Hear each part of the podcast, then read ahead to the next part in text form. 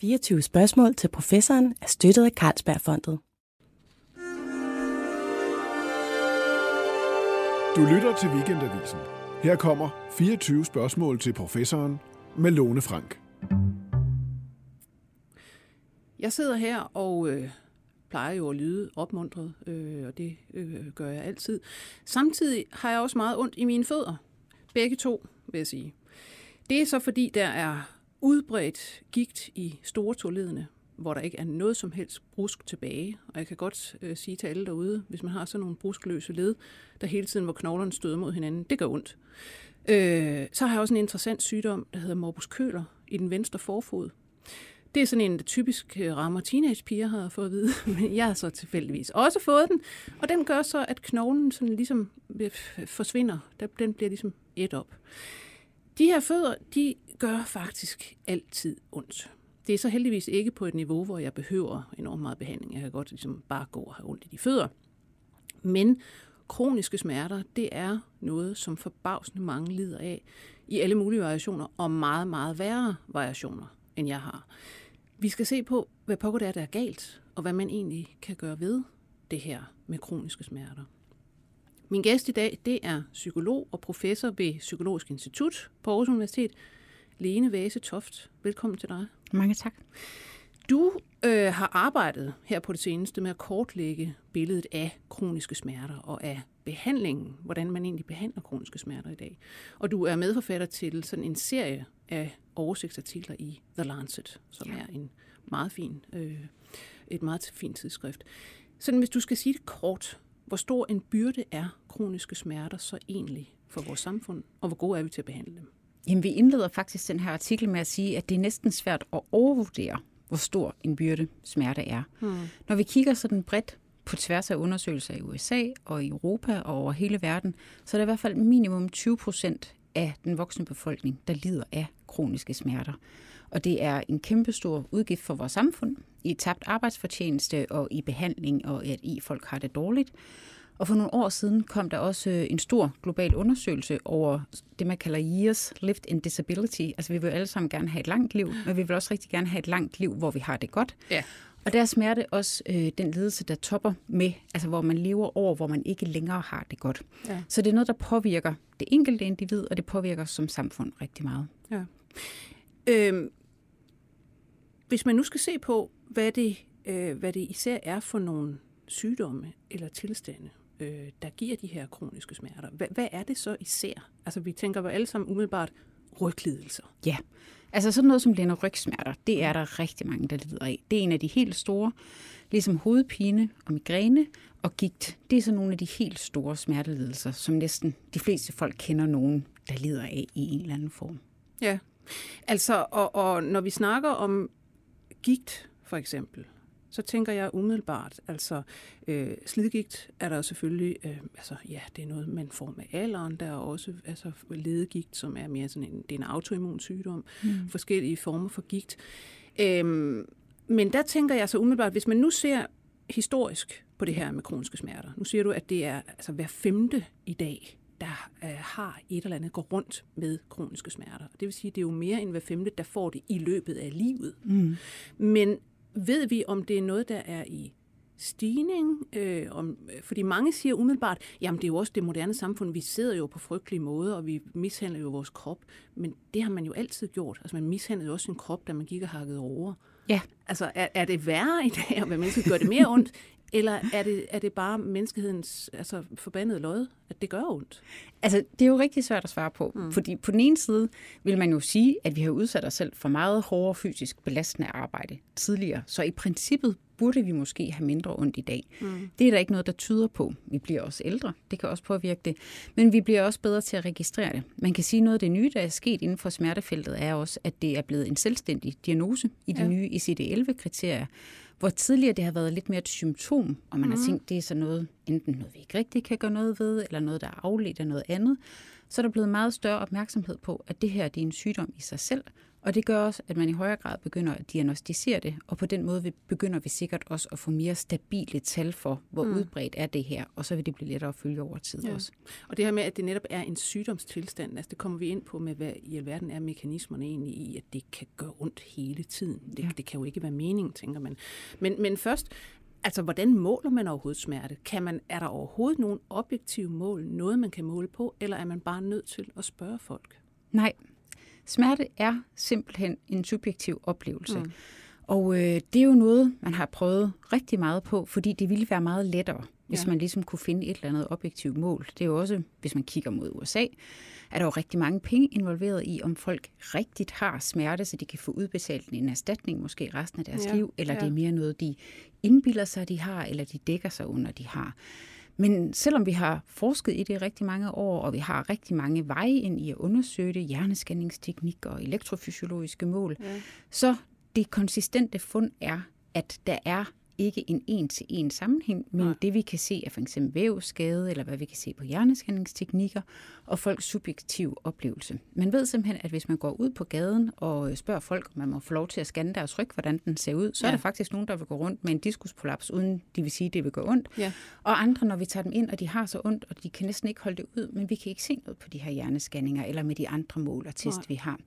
Så smerte er en subjektiv oplevelse, og det er rigtig vigtigt at forstå i forhold til smerte. Umiddelbart vil man jo tænke, at det er da mærkeligt, at man ikke i, altså netop på hjerneskanninger vil se noget aktivitet i smerteområdet. Altså, der er jo dele af, af hjernen, som beskæftiger sig med smerte, og hvor man netop altså, kan registrere, ja. det gør ondt. Kan man ikke se noget der? Kan man ikke se en ændret aktivitet? Jo, man vil som godt på et hjerneskæringsstudie, hvis folk siger, at de har meget smerte, så vil man godt kunne se det, man sådan lidt populært kan kalde smertematrix, mm. talamus og præfrontal cortex og anticingulat. Der vil man kunne se en øget aktivitet. Men problemet er, hvis man bare beder folk forestille sig, at de har smerte, så, så vil man stort set ja. se aktivitet i de samme områder, og det hænger ikke nødvendigvis sammen med, hvad der for eksempel sker i periferien af, hvad man kan se af en vævsskade. Nej. Og det er det, der er så tricky ved smerte, at det er en helt reel sådan biopsykosocial sygdom. Det ja. hele påvirker hinanden, og når alle de her faktorer først er gået i gang, så er det rigtig svært at sige, øh, hvad der forårsager hvad. Så er det hele i gang. Ja. Hvor ofte, øh, når man taler om kroniske smerter, hvor ofte øh, er der faktisk tale om smerter, man ikke organisk kan forklare, altså hvor man faktisk ikke kan se, hvad er der i vejen? Ja, det er et godt spørgsmål. Mm. Øh, altså man kan sige, at man kan sådan overordnet set dele smerter op i forskellige typer. Vi har den sådan ren nociceptiv, det er der, hvor vi kan se, at det er en vævskade. Det vil være, hvis man har tabt en stor sten ned over foden, så vil man kunne se det, eller hvis man mm. kommet til at skære sig. Det er sådan lige ud af landevejen. Det er noget af det mere simple. Men så har vi også øh, det, vi kan kalde en neuropatisk smerte, hvor der har været en nervebeskadelse. Det kan man også nogle gange se sammenhæng mellem det og smerteoplevelsen.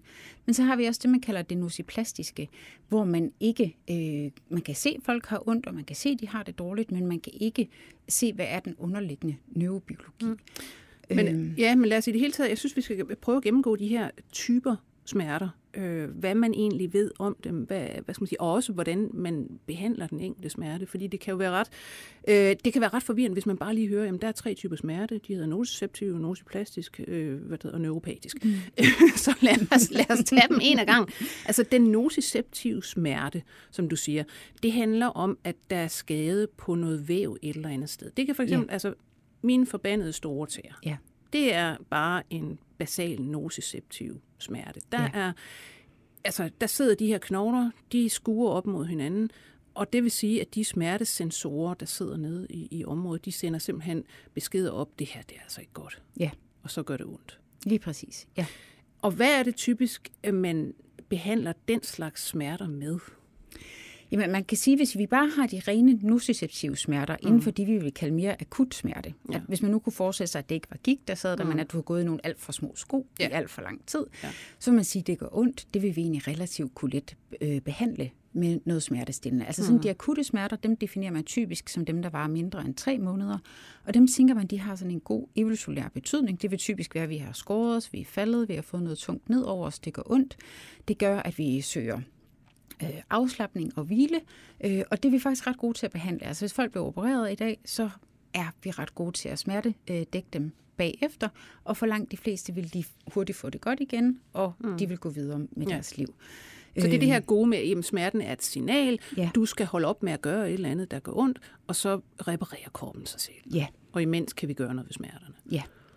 Lige præcis. Og det er så både med, altså når du siger smertedække, det kan så være alle mulige midler. Altså umiddelbart har man jo altså, de her, vi kender, øh, hvad der hedder øh, NSAID-stoffer, ja. altså øh, panodiler og, og den slags, altså, som, som virker egentlig hvordan? De virker ude perifært, ikke? Jo, altså vi har jo egentlig, altså de her nociceptive skader, dem kan vi gå ind og dække, og mange af dem vil kunne virke perifært. Vi har også opioider, vi har andet, vi kan give, når folk for eksempel er i en postoperativ smerte, og der kan vi egentlig dække folk vældig godt. Mm. Der, hvor det så bliver tricky, og der, hvor alle forskere de ligesom er meget interesserede i, hvad er det, der sker? Hvorfor er det, at nogen går fra at have en akut smerte, og heldigvis er det jo sådan, at de fleste bliver helbredt og kommer videre, men hvorfor er det, at det for nogen bliver til en kronisk smerte, sådan at det her nociceptive system, det ændrer sig. Øh, altså den her plasticitet, der er, den snakker vi jo tit om som gode. Nogle gange er det faktisk også nogle negative effekter, sådan at øh, de receptorer, der normalt bærer smerte, at de breder sig, og så bliver det ind, og sådan at de receptorer, der normalt bare vil øh, blive aktiveret ved let berøring, så når man tager en tynd silkeskjorte på, at de begynder også at blive smertebærende, så selv sådan nogle helt blide ting kommer til at gøre ondt. Og der får vi en ændring i det nociceptive system, og det forstår vi meget lidt om i dag. Det er så det, man kalder nociplastisk smerte. Ja, det kan også være en neuropatisk smerte. Altså i det øjeblik, den her øh, ændring begynder at, at være. Men det, man, man vil tit kalde det en nociplastisk, når man kan se, det er en eller anden form for hypersensitivitet. Mm. Men man kan ikke sige specifikt, det skyldes den her nervebeskadelse, eller det skyldes. Nej. den her ændring i det somatosensoriske system. Vi kan bare se, at det nociceptive system er ændret. Vi ved ikke præcis hvorfor. Og det, det, man kan sige, det er på en eller anden måde, det, der er skruet op for, for, for følsomheden i det. Ja. Altså i hele systemet, og det er både, altså som du siger, ude i, altså perifært, de her øh, sensorer, smertesensorer, der sidder rundt omkring, de kan pludselig blive aktiveret, så bare berøring føles som smerte. Ja. Øh, og der er formentlig også sket noget op i centralnervesystemet. Ja. Øh, ved man mere om, hvad der kan ske i hjernen? Altså, er der nogle processer, man kan sige, hov, nu er der simpelthen øh, fra den der smerte var akut til nu, hvor vedkommende øh, for eksempel har, lad os sige, fibromyalgi. Ja. Det er jo sådan en typisk øh, hvad det tilstand, som man i mange år skændte, som findes det overhovedet. Mm. Altså folk har diffuse smerter alle mulige steder, og de er også trætte, og, og altså det, det er virkelig svært, ikke? og man, kan ikke, man har simpelthen ikke kunnet måle noget. Hvad i verden er der galt med de her mennesker? De er ondt i ryggen, i musklerne, alle steder. Øh, kan man efterhånden se noget som helst i deres, øh, hvis man måler på deres, lad os sige, reaktioner øh, på forskellige ting, altså på berøring eller dit og dat, kan man se noget på hjerneskanninger der? Altså det er jo sådan noget, man diskuterer rigtig meget, særligt med fibromyalgi-patienter, hvor der er nogle studier, der viser, at der er en ændret bearbejdning af stimuli. De er simpelthen mere hypersensitive, så snart der kommer et lille input, så bliver det forstørret og kommer til at virke meget voldsomt og hele vejen op gennem rygmagen og op igennem centralnervesystemet og op mm. igennem hjernen. Så er der også andre der studier, der siger, ah, kan vi være helt sikre på, at det skyldes sygdommen, og kan det ikke være, at folk er begyndt at identificere sig med den her smerterolle og føle, ja. at de har ondt, og det er det, der gør det. Så det er stadigvæk sådan noget, man, man diskuterer rigtig meget, og for øjeblikket er man også ved at teste om for eksempel fibromyalgi-patienter, eller det der også som så bliver kaldt bodily distress-patienter, om de også er mere sensitive over for andre stimuli, over for dufte, og mm. sådan i det hele taget er meget mere påvirkelige.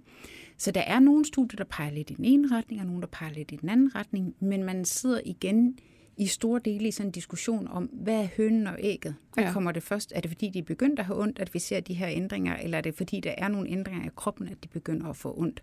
Ja. Og det er der, de igen tapper ind i, at det her er virkelig en biopsykosocial lidelse. Det er svært at sige, at det er det ene, der forårsager det andet, og det bliver egentlig også uinteressant, når det først er i gang, fordi så er man nødt til at prøve at forstå det samspil. Og man kan se mm. ved mange af de her patienter, at der er en ændret sensibilisering. Ja. Men hvad der i første omgang har forårsaget den, er, er der ikke sådan enighed om. Nej. Så der er ikke et eller andet sted, man kan sige, der går vi ind og sætter en kæp i hjulet for de her processer endnu. Jo, man kan godt sige, at i det øjeblik, de er i gang, der kan man gå ind forskellige steder. Man kan gå ind psykologisk og prøve at hjælpe folk til at omstrukturere deres tanker omkring smerter og deres handlinger i forhold til det. Og man kan gå ind farmakologisk og prøve at se, kan man blokke nogle af inputtene nogle steder. Øh, og man kan gå ind med fysiske øvelser og andet. Så man kan godt prøve at tappe ind i det forskellige mm. steder. Men selv hvis man siger, at det for eksempel hjælper med en psykologisk omstrukturering af sine tanker, er det ikke ens betydning med, at det er det, der har skabt smerten. Nej. Og vi kommer ind på alt det her med, hvad man egentlig kan gøre, fordi det er jo noget af, du, øh, noget af det, du faktisk som forsker er meget, meget interesseret i. Hvordan, øh, hvad gør man, når man skal ud over bare medicamenter? Også der, hvor medicamenterne ikke virker. Ja. Men, men til sidst, altså den her neuropatiske smerte, altså skade på nervevæv. Altså, øh, hvad er det, der sker der? Altså, er det for eksempel folk, der har øh, rygsmerter, hvor man kan, man kan se, okay, altså der er måske noget, der, der trykker på nogle nerver i rygmagen, eller hvad det kan være for noget, og de får sådan nogle jagende smerter ofte. Er, er det neuropatisk smerte? Altså man kan sige, at den sådan helt klassisk neuropatiske smerte kan for eksempel være, hvis man har haft lungekræft og mm. har fået udført en operation mm. i forbindelse med det, og så er man kommet til at skære nogle nervebaner over, og så efterfølgende, da den her nervebeskadelse, den bidrager til, at man får smerte. Simpelthen øh, de her ændringer, den inflammation, der kan være efterfølgende, den ændrer signalstofferne, det ændrer mm. den måde, øh, signalerne bliver sendt videre på. Og ved nogle af de her neuropatiske tilstande ser man særligt det her med, at sådan helt blidt berøring kan pludselig blive meget smertefuldt, mm. og nogle af de her ændringer. Så det er sådan den helt klassiske. Det kan også komme efter ændringer i... Øh, det somatosensoriske system, for eksempel hvis man har haft øh, stroke eller andre øh, lidelser. Og eller hvad Parkinson. er det øh, somatosensoriske system? Skal vi nok lige... ja. det med, med de sensoriske input. Hvis ja. der ligesom har været en beskadelse af det, øh, øh, så kan det gå ind og, og påvirke ja. den her smerte også. Ja. Jeg kommer til umiddelbart at tænke på, nu nævnte vi jo også i starten det her med hovedpine, ja. er faktisk også en, altså det er en stor byrde. Og altså, hvis man kender nogen, der har øh, altså, migræne for eksempel, så ved man, jamen der er ikke andet at gøre end, det er simpelthen en eller to sygedage hver eneste gang. Ikke? Og de ligger der øh, og, hvad der hedder, øh, i mørke og øh, kaster op og, og dit og dat. Øhm, og så er der, der er også sådan noget som spændingshovedpine, mm. som vel også er over i det her øh, nosiplastiske, hvor man ikke helt ved, hvorfor har man egentlig ondt? Ja. Eller hvordan? Altså man kan sige, nu i den her artikel for eksempel, der er vi stillet op med de her tre kategorier, og det er tre overordnede kategorier, man bruger, og de er, når de står som kategorier, lettere at forholde sig til. Ja. Men når vi ser på den enkelte smerte, så for eksempel en hovedpine kan sagtens være en blanding af både noget nociceptivt og måske noget neuropatisk og mm. noget nociplastisk. Så det er, ikke, det er ikke så enkelt altid, at man kan sige lige præcis, den her type smerte hører kun til i den her teori. Ja. Men så en, hver af de her smerter vil nemt kunne have forskellige elementer. Og noget af det vil man kunne sige, at man kan godt se, at der er noget, der er ændret her. Det vil kunne forklare noget af det, men det virker underligt, at det vil mm. gøre så ondt. Det forklarer ikke hele billedet. Nej. Så det er ligesom med til at give det en yderligere kompleksitet, at det ikke er sådan rene smerter, der er let bare putte i den ene kategori eller den anden ja. kategori. Altså med hensyn til også igen behandling. Altså jeg kan godt blive meget forvirret over, øh, jeg kan have en, kan man sige, almindelig hovedpine, som jeg kan tage nogle øh, panodil for, øh, eller noget ibuprofen, og så går det væk. Og så kan jeg nogle gange have nogen, hvor jeg bare ved, det er sådan en særlig underlig hovedpine, hvor det ligesom gør ondt om bag ved det ene øje. Mm. Og det kan være enten det venstre eller det højre. Og den ved jeg bare, det er ligegyldigt, hvad jeg æder af forskellige øh, smertestillende piller. Det går ikke væk. Nej. Altså, der må også være mange patienter af den ene eller den anden art, der kommer med sådan nogle ting og siger, hvad, hvad, hvad, skal, hvad skal jeg gøre ved det her? Hvad, hvad gør man så egentlig, når man har nogle smerter, man simpelthen ikke lige umiddelbart kan behandle med de medicamenter, man ville tro? Hvad, hvad gør man så? Jamen altså, de fleste smertelæger vil jo prøve at sætte sig ned og få et indtryk af, hvad kan det være for en type af smerte? Og ud fra det sige, jamen, baseret på, hvis det kan være de og de mekanismer, hvordan kan vi så behandle det? Ideelt set. Mm. Og nogle gange er det jo også, som man tænker, puh, det ved man simpelthen ikke. Lad os prøve et andet medicament, som vi har erfaring med, at det nogle gange virker. Så skal vi prøve at se, om det kunne være en mulighed. Og tit er det jo desværre også sådan, at det, det er jo langt fra alle kroniske smerter, vi kan behandle med medicin. Ja. Eller i hvert fald behandle tilstrækkeligt med medicin. Så nogle gange er det jo også sådan, jeg vil ikke sige trial and error, men det er jo sådan noget, hvor man bliver nødt til at prøve sig lidt frem. Kunne det her måske virke, eller er det her bedre? Og der er ikke sådan en opskrift, der virker for Nej. alle smertepatienter, heller ikke selvom de egentlig langt hen ad vejen har identiske symptomer eller ja. underliggende mekanismer. Men lad os, lad os tage fat på, på en type behandling, som ja. man har snakket meget om. Det er opioider. Ja. Fordi at man ja. nu i USA i flere år har talt om en opioidkrise, ja. hvor folk, der simpelthen får de her øh, morfin-lignende eller morfin-deriverede stoffer, øh, og så bliver de simpelthen afhængige af dem. Mm. Og på et tidspunkt, så er der mange, der øh, simpelthen tager en overdosis. Ja.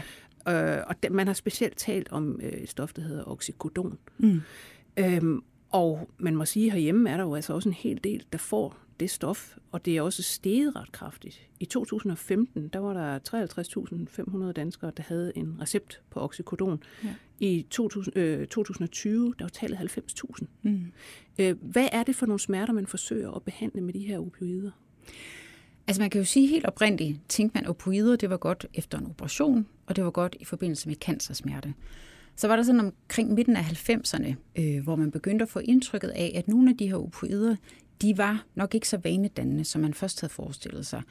Og så kunne vi ligesom se, i hvert fald sådan en retrospekt, at der kom en større og større udskrivning af de her opioider, og USA er jo også sådan lidt anderledes indrettet, at der kan være en økonomisk vinding for den enkelte læge ved at udskrive det, og patienter kan også rykke sig over landegrænser, og lige pludselig så kan de have udskrevet en masse recepter på opioider, som de også vil kunne sælge på det sorte marked.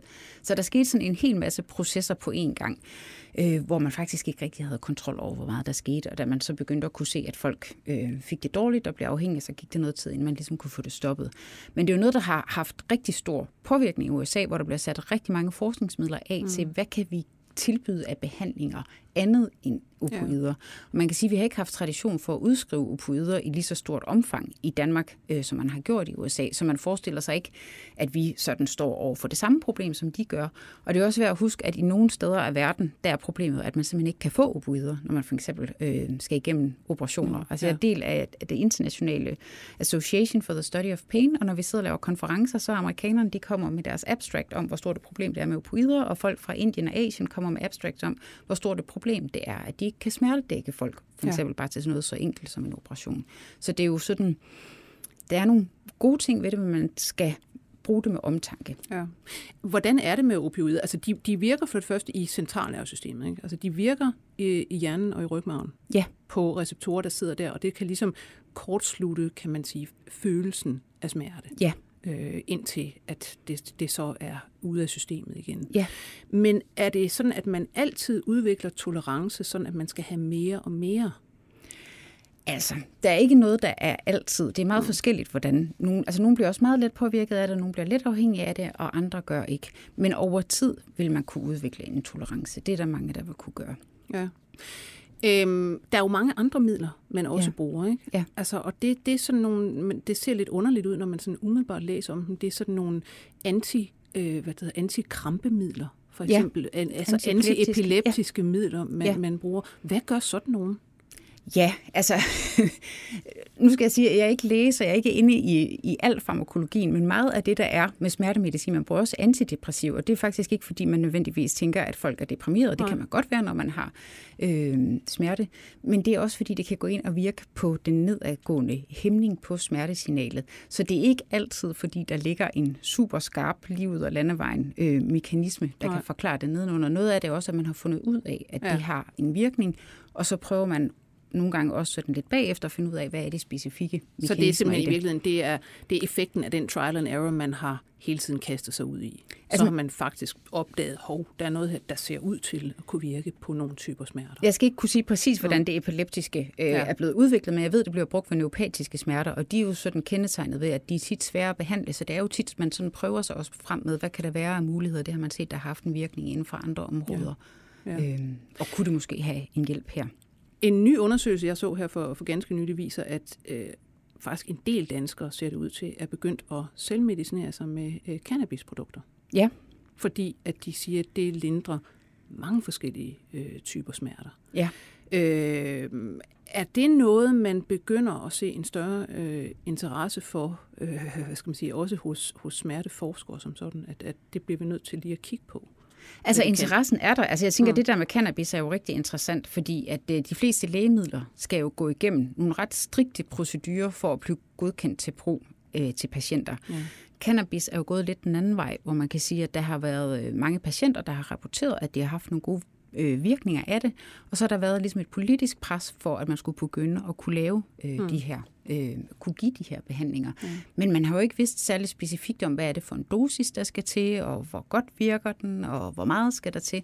Og det er noget af det, smerteforskere de er gået ind i at undersøge, øh, fordi de er interesserede i, at hvis man skal udskrive det, så vil man faktisk gerne have rigtig god dækning for, hvad er virkningerne og ja. hvad er bivirkningerne.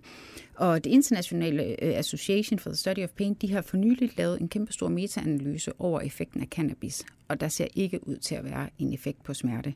Øh, så ikke generelt, men Nej. så vidt jeg ved, så er der vel, når man går ned i bestemte studier, kan man se, om der er nogle typer smerte, det ser ud til, der kunne det godt have en virkning i visse studier. Øh, det er jeg ikke bekendt med. Så skulle jeg se de specifikke studier. Jeg tror, problemet har meget har været, hvor godt har de her studier været kontrolleret? Hvor ja. meget har man vidst om de enkelte doser? Er det holdt op imod en placebo? Ja. Er det sådan en medicinsk cannabis? Er det sådan en mere generel cannabis? Ja. Så de er, der er rigtig stor variation. Ja. ja, altså der er ikke, altså man begynder jo nu her, der er i gang værende studier både i Aalborg og Odense mm. omkring øh, velkontrollerede, veldoserede studier af, hvordan er effekterne, men dem har vi ikke resultaterne på endnu. Nej. Men lad os gå til det her med øh, alt muligt andet end, end det medicinske, fordi øh, du interesserer dig for den her integrative tilgang, som man siger, ikke? Altså, og hvor, som du også nævnte før, der er faktisk mange, der har smerteproblemer, som man ikke kan behandle sig ud af med medicamenter. Og så er der jo øh, andre ting, der kan sættes i gang.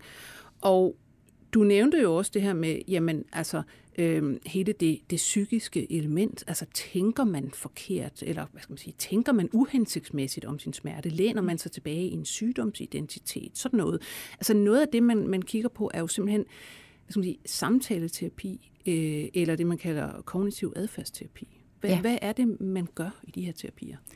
Jamen det er typisk, at man tager fat i, hvad er det for nogle tanker, og hvad er det for nogle følelser, folk har i forhold til deres smerte, og prøver at realitet teste dem, og eventuelt omstrukturere dem, hvis man ligesom... Altså, man lad, kan... lad os tage et eksempel. Hvad, hvad, hvad kunne det være for en patient, der, der kommer og skal hvad skal man sige, ind i sådan noget med kognitiv adfærdsterapi, for eksempel? Jamen, det kunne for eksempel være en øh, rygpatient, der har ondt i ryggen og har arbejdet for eksempel manuelt i mange år, og får efterhånden svært ved at passe sit arbejde, får svært ved at øh, passe sine hobbyer, får svært ved at slå til på hjemmefronten øh, i forhold til de her smerteproblematikker. Og man har prøvet måske starte med medicinske behandlere, måske mm. noget fysioterapi, man har prøvet forskellige typer af behandlinger, og de har ikke haft en ønsket effekt. Sådan som det ser ud i dag, vil det så typisk først være der omkring, man ligesom begynder at overveje, om, om man skulle prøve med noget psykologisk intervention også. Ja. Og hvad gør man så? Altså. Jamen man kan jo sige, at det der tit sker for folk, ikke for alle, men når man har haft, altså det er jo rigtig hårdt at have kronisk smerte, og det påvirker en på alle mulige måder. Så der er jo mange, der med tiden også bliver deprimeret, eller bliver angste, eller bliver opgivende i forhold til, øh, og det altså, kan være helt Det påvirker livskvaliteten helt utrolig meget, ja, kan man sige, det i forskellige det. studier. Altså ja. virkelig meget. Ja, så det er jo noget med, at... Øh, folk er tit meget fokuseret på, at de skal have et eller andet fix for, at det her det kan blive bedre igen. Mm. Og meget af det, der egentlig sker i de her psykologiske interventioner, er jo også øh, at måske ændre de her forventninger og få en realistisk øh, opfattelse af, at det her det er måske noget, man bliver nødt til at leve med, og hvordan kan man så leve med det på en god måde. At det kan jo godt være sådan en naturlig impuls, at hver gang man får smerte, man så tænker, åh, oh, nej, ikke det igen, og nu kan jeg heller ikke, og i overmorgen, og hvad så med festen i weekenden, den kan jeg heller ikke komme til. Og så begynder at gribe fat i de der tanker og sige, er de egentlig realistiske? Er det mm. nødvendigvis sådan? Det kan jo godt være, at jeg ikke kan komme med på skiferie med hele familien. Nu kunne jeg måske alligevel godt komme med op i hytten og hygge sammen med dem om aftenen, og så ligesom prøve at få det vendt, så det hele ikke bliver så tungt og så negativt, men så man får det vendt imod, hvordan kan jeg leve med det her og mestre det på en måde. Og tit, altså man kan jo sige, det er jo sådan meget biologisk ting smerte. Det er jo noget, der er der for at fortælle os, at mm. det er mm. farligt, men det er jo egentlig ikke den betydning, det har længere, når det er kronisk smerte. Nej. Så det er også at ikke være så alarmeret over det, men ligesom i højere grad at sige, jamen det er der, nu prøver jeg så vidt muligt at skubbe det lidt ud af bevidstheden, og så går jeg videre med det liv, jeg i forvejen har. Hvor stor effekt har sådan noget her? Altså dels kan man overhovedet måle, at det får smerten til at, at gå ned, eller er det livskvaliteten, der går op, fordi man ligesom kan leve med den smerte? Det, vi gennemgående ser i de her studier, det er, det er primært livskvaliteten, der mm. bliver påvirket. Det er rigtig svært faktisk at ændre øh, smerteintensiteten, men der er mange, der får en væsentlig forbedret livskvalitet. Så det er ikke sådan, at man netop kan sige, at ah, den her smerte er nok meget psykisk, nu skal du lære at tænke anderledes, så går den væk. Det gør den ikke. Nej. Nej. Øhm, så er der jo sådan noget, som man øh, altså længe har hvad skal man sige, hørt lidt om her og lidt om der. Akupunktur, for ja. eksempel. Hvad ved man egentlig om det, altså studier, at det, gør det noget for smerte? Jamen det er der mange, der kan rapportere, at det gør. Og det er med mange af de her integrative behandlinger, at øh, hver især ser de ud til at have en god effekt, og man hører patienter, der rapporterer, at de er glade for, at de har, de har fået det væsentligt bedre. Når vi så får det op i større studier og mere velkontrollerede studier, studier, der minder mere om den måde, vi tester farmakologi på, måske involverer nogle bedre kontrolbetingelser, en form for placebokontrol eller shame, så er det tit, at effekten er væsentligt sværere at se. Ja. Men det er vel et, et område, det her, hvor folk øh, i meget høj grad selv søger alternativ behandling? Ja, absolut. Og selv betaler også ja. meget langt hen ad vejen for mange af de her behandlinger. Øhm, sådan noget som fysisk træning, tænker jeg umiddelbart, også må være noget af det, man interesserer sig meget for. Altså fysisk træning er jo i dag det, man egentlig sætter folk til i stort set alle sammenhænge. Altså, ja. det er godt for alting. Ikke? ja. øh, og jeg kender også selv folk, der netop i forbindelse med svære rygsmerter, altså, ja. jamen, så er det øh, øh, træning, der har fået dem øh, op at gå igen, og det er fysioterapi, ja. der egentlig har hjulpet dem øh, med det. Altså, øh, hvor store effekter kan man se af fysisk træning, og er de også sådan generelle? Altså fysisk træning er noget af det, der egentlig er bedst evidens for bredt mm-hmm. set. Altså at det er simpelthen godt at holde sig i gang, og det er noget af det, man virkelig har lært inden for smerteforskning, at hvor mange kan have den der tendens til, at det gør ondt, og så man stivner næsten, man kan ja. mærke, at man bliver sådan helt stiv i kroppen og tænker, nu skal man holde sig i hvile, at det er ikke en god ting at gøre. Det gælder om at holde sig i gang, og det gælder om at bevæge sig. Og i det øjeblik, man for eksempel løber en tur, er der også meget, der tyder på, at det kan frigive endofiner, altså ja. kroppens naturlige øh, opioider, det vi snakker om, ja, ja smertestillende. Så det er også en måde, øh, der er god at holde kroppen i gang på og hjælpe den her smertelindring på vej. Og det har også tit nogle gode psykiske affødte effekter. Ja. Øhm, du har selv været med til at studere øhm, øh, effekten af musik. Ja. Det må du meget gerne fortælle om. Ja, Jamen, man kan jo sige, at musik er jo noget, der har fået rigtig meget fokus i de senere år, øh, og det har jo alle mulige positive effekter, og man har lavet studier, hvor man kan se, at hvis man udvælger folk, der sådan, øh, kan få chills, altså sådan kuldegysninger af at lytte til musik, altså folk, ja. der har sådan, de kan rigtig godt lide musik, og de har lige deres yndlingsstykke, og mm. lige her, der, der får de chills. Så man se, at det har kunne frigive øh, dopamin, mere sådan glædeshormon populært sagt, og øh, det har ligesom givet anledning til at tænke, at det kunne godt være musik, det kunne frigive dopamin og endofin, det her med opioider. Ja. Så når vi kan se i nogle studier, at øh, musik også kan hjælpe ved smertetilstand, kunne vi så forestille os, at det var den her neurobiologi, der lå nedenunder. Og det er egentlig blevet sådan lidt en... Øh, accepteret teori. Man tænker sådan, mm. jamen vi kan se, der er nogle effekter af musik, det virker sandsynligvis via de her. Og, og det er noget af det, vi har undersøgt, om det gør det. Øh, og der havde vi øh, sådan meget velkontrolleret studie af forskellige typer af musik, og så havde vi et andet auditivt input som kontrol, og så testede vi, om øh, vi ligesom kunne blokere det dopaminære og det endogene opioidsystem med antagonister, for at se, om det var det, der gav effekten. Og øh, det vi fandt, det var, at vi fandt nogle store smertestillende effekter af musik. Mm. Øhm, og vi fandt, at øh, når folk forventede, at det havde en effekt, så havde det en rigtig god effekt. Men vi kunne ikke øh, se, at der var nogle neurotransmittersystemer, øh, der var involveret i det. Ret interessant. Ja. Altså, øh, og der, der er vi jo så inde på i virkeligheden et af dine øh, andre store øh, forskningsfelter, placebo, ja. formentlig. Ja. Altså det her med, når du, når du straks siger forventningen om det, ja. at der er en effekt, det giver en effekt. Ja. Hvad, men, men altså, når I ikke kunne, I kunne så ikke måle på opioider, naturlige smertestiller, I kunne ikke måle på dopamin, som er sådan med i belønningssystemet, hvad kunne den her placeboeffekt så gå på eventuelt? Har I nogen som helst idéer? Hvad, hvad kunne det så være? Ja, men altså, øh, det vi kunne se, at det var jo så den mest forventning. Det kan jo være, altså hvis man var sådan rigtig kritisk, kunne man jo sige, jamen det kan jo være, at folk bare siger, de har mindre ondt, og de rent faktisk ikke har nogen ændring i deres smerteoplevelse. Mm. Det er jo, hvis vi nu kunne have vist, at øh, dopamin eller endorfiner var involveret, så var det jo meget nemt at have sådan en naturvidenskabelig ja. forklaring. Så det kan jo være, at det hele er rent bias, og folk bare siger, nu gør det ikke så ondt. Det kan også være, at de har haft sådan en øh, distraktionseffekt af det, at øh, nu har de kunne lytte til noget dejligt musik, så så har de lige fået en pause for smerterne i et stykke tid. Mm. Øh, så der kan jo være sådan alle mulige andre øh, afledte psykologiske effekter også.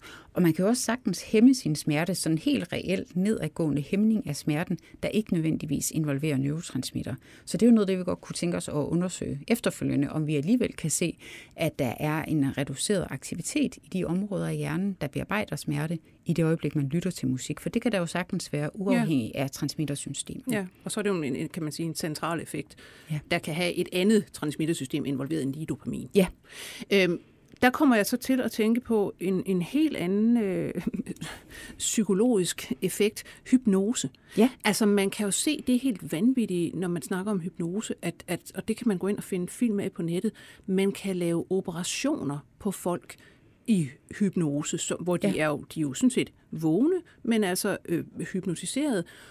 Og der, der gives ingen smertestiller, fordi det er nogle mennesker, der for eksempel ikke kan tåle smertestiller overhovedet. Man kan stå og skære i dem, Ja. øh, og du ved, sy dem sammen og så videre, så videre. Der Ja. er ikke nogen som helst øh, følelse af smerte.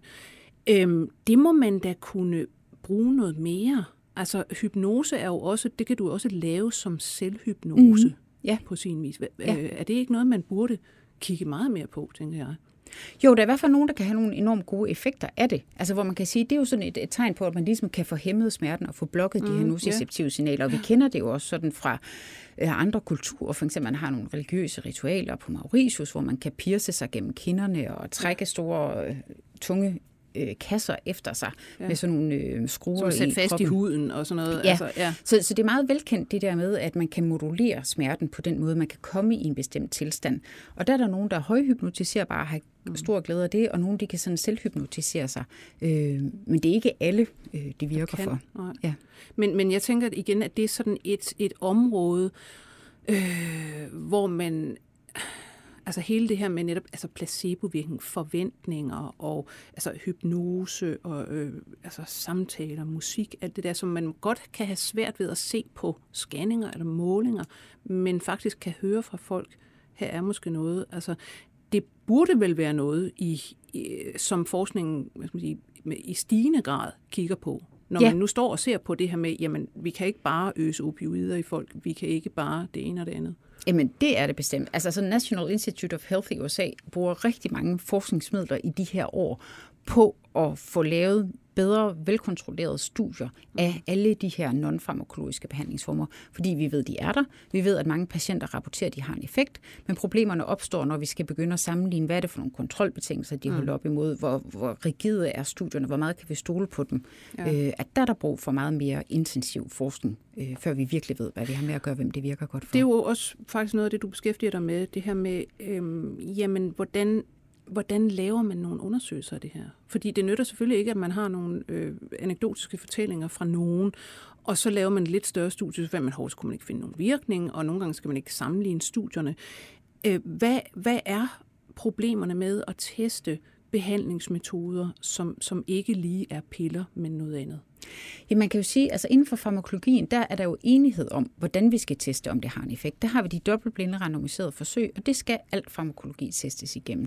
Vi har jo slet ikke samme standarder eller samme enigheder, så snart vi går ind i, i de non-farmakologiske. Hvis vi snakker om operationer, eller dybdehjernestimulering, eller psykoterapi, eller akupunktur, eller massage, så er der ikke en standard for, hvordan skal man lave en kontrolgruppe.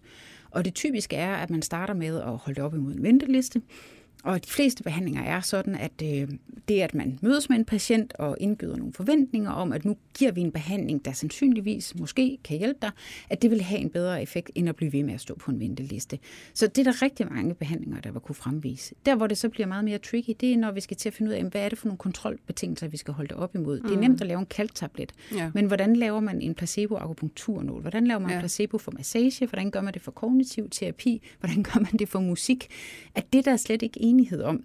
Og der bliver det sådan lidt nogle gange som at sælge elastik i metermål, det der med, hvad er det for en kontrolbetingelse, man har. Og Ja. der er også sådan, altså der er jo nogle behandlinger, der bliver optaget i de nationale guidelines, fordi de viser en god effekt i forhold til en venteliste. Hvis de så inkluderer nogle bedre kontrolbetingelser, så viser de ikke en lige så god effekt, og så kan de ikke længere blive anbefalet. Så det er jo sådan et stort, øh, næsten lidt ureguleret område, eller hvad man skal Ja. sige, fordi at... Øh, det er ikke nødvendigvis sådan, at man bare kan tage øh, de her tankegange fra det dobbeltblinde randomiserede forsøg Og og overføre dem. overføre på enhver øh, integrativ behandlingsform. Så der er meget diskussion om, hvordan kan man gøre det, hvordan kan man øh, ikke gøre det, og hvordan skal vi sammenligne det på tværs. Er der et eller andet godt eksempel på, øh, hvor man har opfundet en måde at lave en kontrol for sådan en ikke-farmakologisk intervention? Jamen altså man kan sige, øh, inden for akupunktur har man jo faktisk lavet øh, nogle akupunkturnåle. Mm. Øh, de typiske Streitberger-nålen, den kan ikke øh, blindes for akupunktøren, så det er et problem, men der har været nogle japanske nåle, der ser ud til godt at kunne være blindet, så det er sådan en måde. Og man kan sige sådan noget dybt hjernestimulering eller øh, spinal cord stimulation, man også giver for nogle af de her rygsmerter, der er man ved at have øh, nogle frekvenser, man stimulerer på, så man faktisk godt kan tænde og slukke for, uden at patienten kan opdage det. Og det er jo en ret simpel måde øh, at kunne enten give noget inaktivt, hvor der er slukket, en placebo, eller noget aktivt, hvor man har tændt. Øh, og så kan man måle, hvor, hvad er effekten af den rene stimulering, og hvad er effekten af, at nu står der en begejstret læge og giver og siger, en nu gør vi noget. behandling. Ja. Ja. Men lad os i det hele taget tale om det her område, altså neuromodulation, som det hedder. Mm. Det er selvfølgelig en nyere udvikling, ja. hvor man netop man, man prøver i stedet for at påvirke øh, receptorerne, altså biokemisk, så går man ind og, og identificerer ligesom nogle nerver et sted, men så kan stimulere, så de enten, øh, hvad det hedder, øh, altså stimulere dem, så de sender flere signaler ud, eller så de på en eller anden måde, deres funktion bliver dæmpet. Ja. Øh, og så, tager, så skal det så behandle en smerte. Ja. Altså for eksempel, altså det, det vildeste kan man sige, er jo det, der hedder, altså, som du siger, dyb hjernestimulation, ja. hvor man simpelthen laver en, Altså man øh, laver et hul i kranet, ja. man sænker en øh, tynd elektrode ned til et eller andet sted, hvor man så øh, går ind og, og, og stimulerer, og man, man forbinder så den her til et lille batteri, mm. som man har indopereret under huden, ligesom en pacemaker. Ja.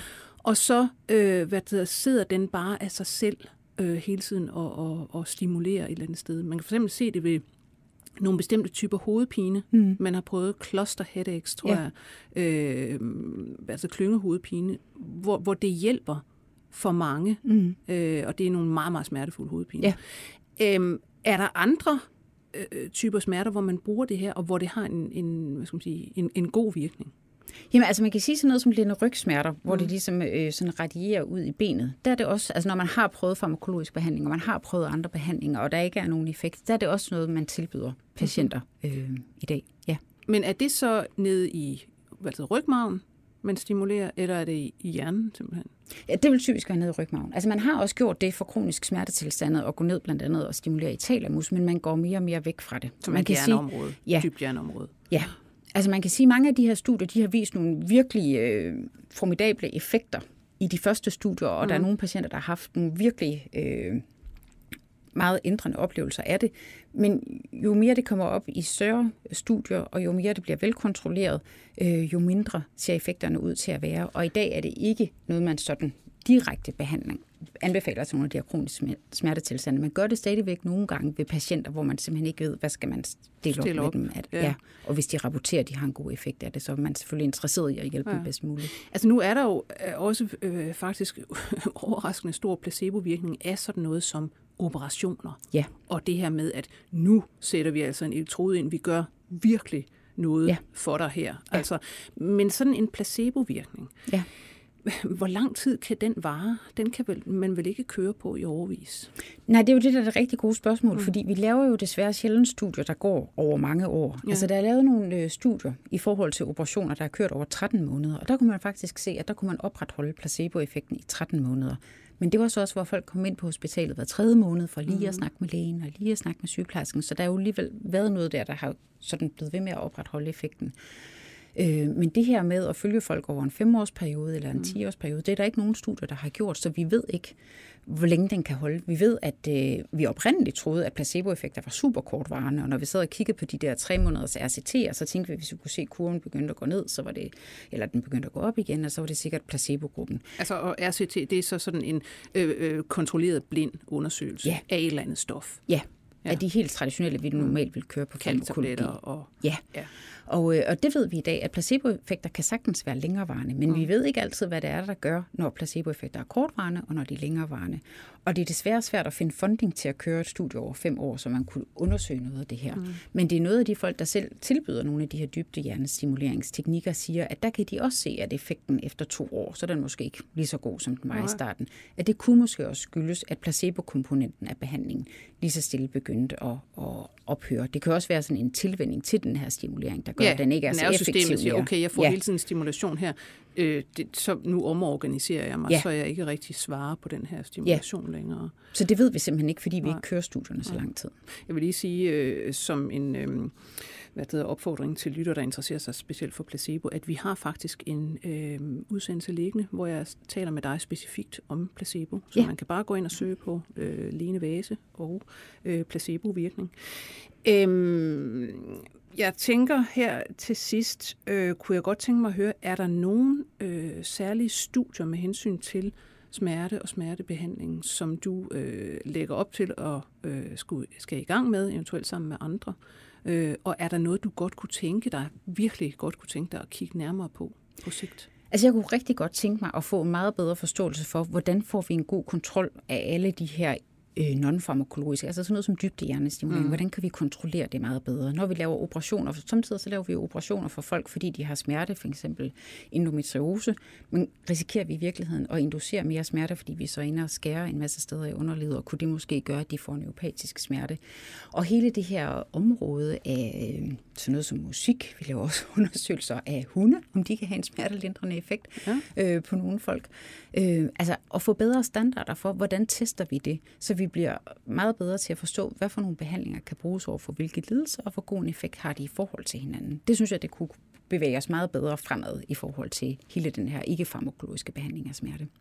Øh, altså umiddelbart tænker jeg, hunde, ja. Det, det, altså, det, det er jo også noget, man, man prøver jo kæledyr mm. på rigtig mange lidelser i Ja. dag, rent faktisk. Altså forskellige psykiske lidelser, om du har angst eller du er depressiv. Øh, plejehjemspatienter mm. bliver tilbudt øh, hunde, øh, robotsæler, øh, katte. Øh, som altså, øh, øh, øh, og, og, og dyr i det hele taget, har man nogen altså fornemmelse af, der kunne jeg forestille mig, at det er oxytocinsystemet, der for eksempel går i gang Ja. øh, og påvirker ting og sager. Det her øh, tilknytningshormon, det Mm. altså i sociale interaktioner, der vælter det ud med, med oxytocin. Ja. Ved man noget om det egentlig? Altså det vil man forestille sig, at der er for eksempel altså det, man kalder animal assisted therapy, altså enten med hunde eller heste. Ja. Og der er studier, der har undersøgt det, men de, de peger lidt i øst og vest, mange af dem. Og det oxytocin kan også samtidig være svært at måle sådan helt præcist og specifikt. Men ja. det er det, man tænker, at der sikkert kunne være mekanismen. Men det er ikke, fordi vi har sådan en overvældende opbakning, når vi kigger på tværs af studierne, Nej. til at kan sige, det er det helt sikkert, og det gør det hver gang. Ja. Her til aller, aller sidst, øh, kunne jeg godt tænke mig at vide, nu er det jo altså sådan, at øh, hvad det hedder, øh, hver tredje er stort set øh, kommer til at opleve en eller anden kronisk smertetilstand i løbet af livet, øh, og næsten halvdelen af os går, rundt med det øh, nu og her. Øh, hvad kan man gøre? Altså, hvad, hvad skal man gøre? Hvor let er det at få en hvad skal man sige, så god behandling som muligt herhjemme? For eksempel, hvad gør man, hvis man har en eller anden øh, kronisk smerte, og, og den praktiserende læge er altså ikke rigtig nok? Jamen altså, man kan jo sige, det, det råd, man mest giver folk, det er så vidt muligt blive ved med at leve dit liv, ligesom du plejer. Øhm, og så de fleste smerteforskere vil jo sige, at det, der er rigtig god evidens for, det er, at man skal have en tværfaglig tilgang. At det er simpelthen det, vi ved øh, fra studier, at det er det, der giver den bedste effekt. At man både har fysioterapeuter og læger og psykologer, der arbejder sammen på én gang om at give den mest optimale behandling. Men det er jo rigtig dyrt at lave de her øh, behandlinger. Så det er tit først noget, man tilbyder folk, sådan, efter de har haft kronisk smerte i mange år. Og det er ærgerligt, fordi vi ved også, at jo længere tid man har haft smerte, jo sværere er det øh, i virkeligheden at helbrede det. Så det var jo noget af det, man fra sådan en smerteforskningshold gerne så meget mere af. Men der er jo også øh, en økonomi i det. Men det er jo sådan nogle altså smerteklinikker, Ja. og dem er der hvor mange af herhjemme? Øh, ikke lige så mange, som vi godt kunne bruge. Man står på venteliste i, øh, i mange år øh, nogle gange for at komme ind i nogle af de her. Vi har nogle stykker af dem, men øh, der vil være patienter til mange flere. Det er vi desværre nødt til at, at lade være, øh, hvad der hedder det sidste, øh, det sidste ord i, i den her udsendelse. Øhm, men det kan jo være, at der kommer pres fra altså de patienter, som nu kan sige, at de faktisk lider af selve sygdommen smerte, som jo er en ny diagnose. Øhm, tak skal du have, Lene Væse Toft, fordi du kom. Selv tak. Mange tak for at være med. Og jeg skal sige, at du er psykolog og professor ved Psykologisk Institut på Aarhus Universitet, smerte- og placeboforsker. Ja. Jeg skal også sige, at vi var produceret af Cecilie Blomqvist, og at jeg selv hedder Lone Frank på Genhør. 24 spørgsmål til professoren er støttet af Carlsbergfondet.